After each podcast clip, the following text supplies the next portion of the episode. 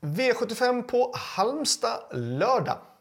En omgång som är väldigt intressant för min del tycker jag. Med i då såklart i den första avdelningen och det är ju det stora diskussionsämnet den här V75-omgången nummer ett Hirondell Sibé. Eh, fantastiskt fin Fuxa som jag har haft i bara lite drygt två veckor. På två veckor hinner man inte göra jättemycket eh, förbättringar. Man kan såklart ändra lite grann på utrustningen och sådär men rent grundträningsmässigt så hinner man inte göra jättemycket ändringar såklart.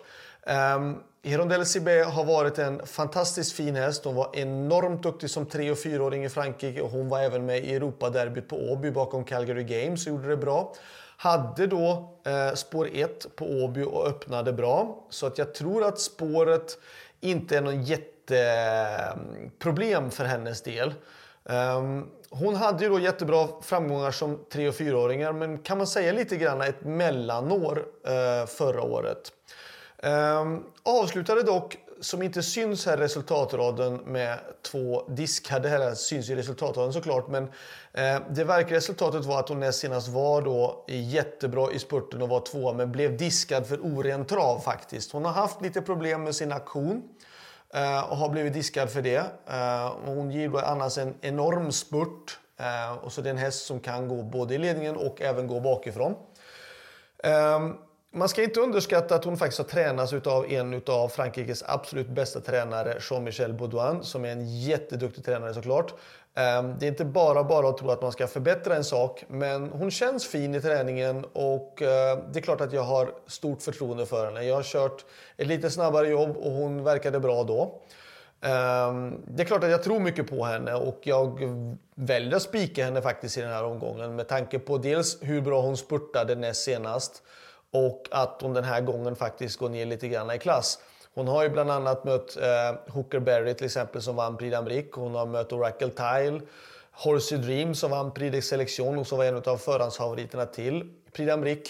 Eh, så att säga, och Beads. Så det är ju liksom grymt bra hästar och inte för att underskatta motståndet, men det är inte alls samma motstånd den här gången. Men det finns några hästar i det här loppet, om man nu vill gardera, så finns det några hästar som har Eh, fantastiskt fin form som till exempel nummer 5 Heroin Darling som har gått spikrakt rätt uppåt och varit enormt duktig och verkligen visat form. Eh, tre Digital Class, hon har inte fått till det men hon har ju styrkan för det. Och sen nummer 9 Iceland Falls som jag körde eh, näst senast då på Prix d'Amérique-helgen eh, och hon spurtade ju enormt och var så nära på att vinna.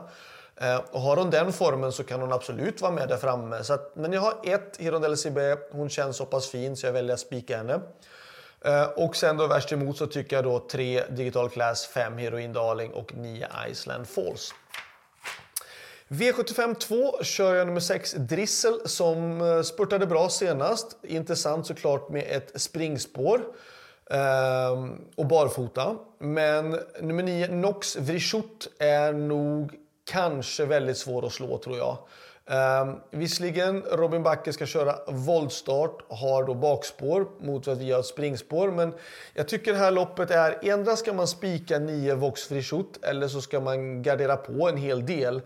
Värsta motståndare, och jag tycker det är intressant rent um, utrustningsmässigt, då, så är det nummer 8 Brady som ska gå barfota bak och har ju visat en, en strålande form. Um, så jag tycker nog att Eh, jag skulle nog ranka loppet som 9, 8, eh, kanske 6 Drissel faktiskt som trea. Men solklar första häst och eh, kanske till och med ett spikbud i sådana fall, nummer 9, Nox Vrishut. Eh, V75 3. Eh, fem önas, eller sex Önas Prins blir ju otroligt hårt betrodd såklart. Eh, han och fem Verikronos. Men det, det, känns lite som att när man lyssnar på det så låter ju såklart Per Nordström väldigt, väldigt nöjd med sin häst och han liksom strålar självförtroende för sin häst och det är väl jättekul och jättebra men det, det luktar lite det luktar lite att det kan eldas på lite grann i det här loppet tror jag. Eh, jag tror att Verre Kronos, eller jag vet att Verre Kronos är jämngod häst, eh, men väldigt olika hästar. Verre Kronos är otroligt stark och rejäl eh, rejäl häst som tål att gå. Och Öna Sprids är ju den där snabba hästen.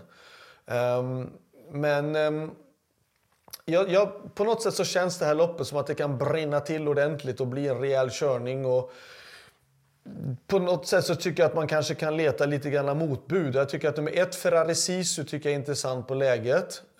Um, sen så kan jag tycka att nia Etos Kronos ska gå barfota runt om. tycker jag är superintressant. Vi vet ju att den hästen är sjukt mycket bättre barfota och nu har han fått ett antal lopp i kroppen.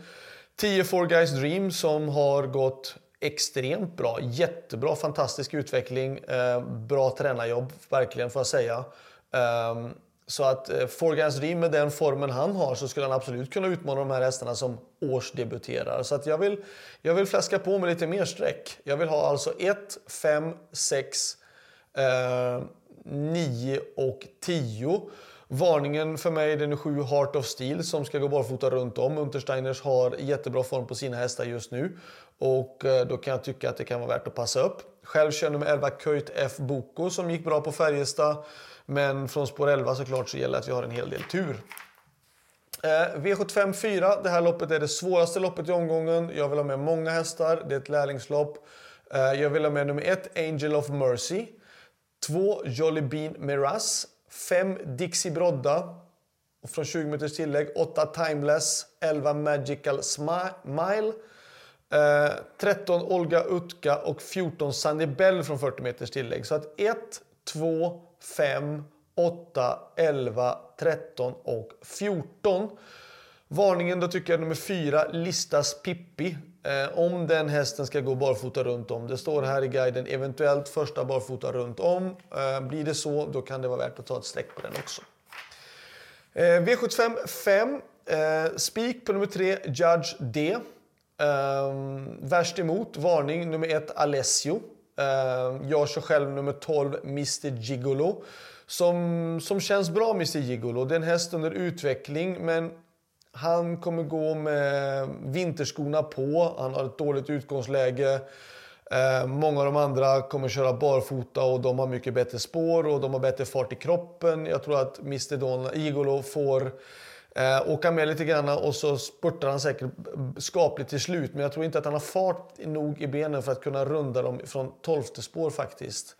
Ehm, och det kan vara så att 3 Judge D är eh, den bästa spiken i omgången nu. Om jag nog inte får välja Hirondell Sibero såklart. Då. Men eh, Judge D har gått eh, fantastiskt bra och han har ett perfekt utgångsläge.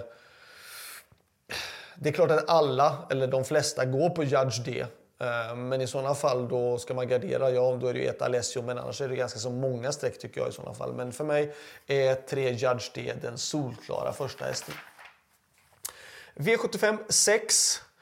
Um, det ser ut på förhand att det här loppet ska bli mellan 1 Catullo Jet och nummer 5 El Jetpack. Um, El Jetpack står lite hårt in i klassen faktiskt. Um, men var ju väldigt bra när han vann. Uh, ett Catologet eh, går vi ju bara på hörsägen och ja, man kan ju se på lopparkiv och sådana saker men ändå har vi ju inget riktigt bevis på det i Sverige. Um, två Jello V är ju den som är gynnad av distansen. Um, tre Indigo kanske blåser till spets men jag tycker inte att det är en häst för 2,6. Jag tycker det är mer en häst för den korta häcken. Eh, varningen, och det är den som är mest gynnad av distansen, det är nummer 7, Bottnas Idol faktiskt. Men jag säger 1, 5, 2 då såklart. Och varning för 7. Eh, V75 7. Eh, ett Kolmi Brodda har gått ut och varnat med att de ska köra i spets. Eh, men jag skulle vilja sätta kniven på strupen på dem faktiskt och veta Kommer de verkligen att svara ledningen om nummer 7, Laraja Vrijut, kommer och trycker av från början och ska trycka till ledningen? Kommer de svara oavsett då? Ehm, ett rakt svar bara. Kommer de släppa eller kommer de ge allt för att försvara ledningen?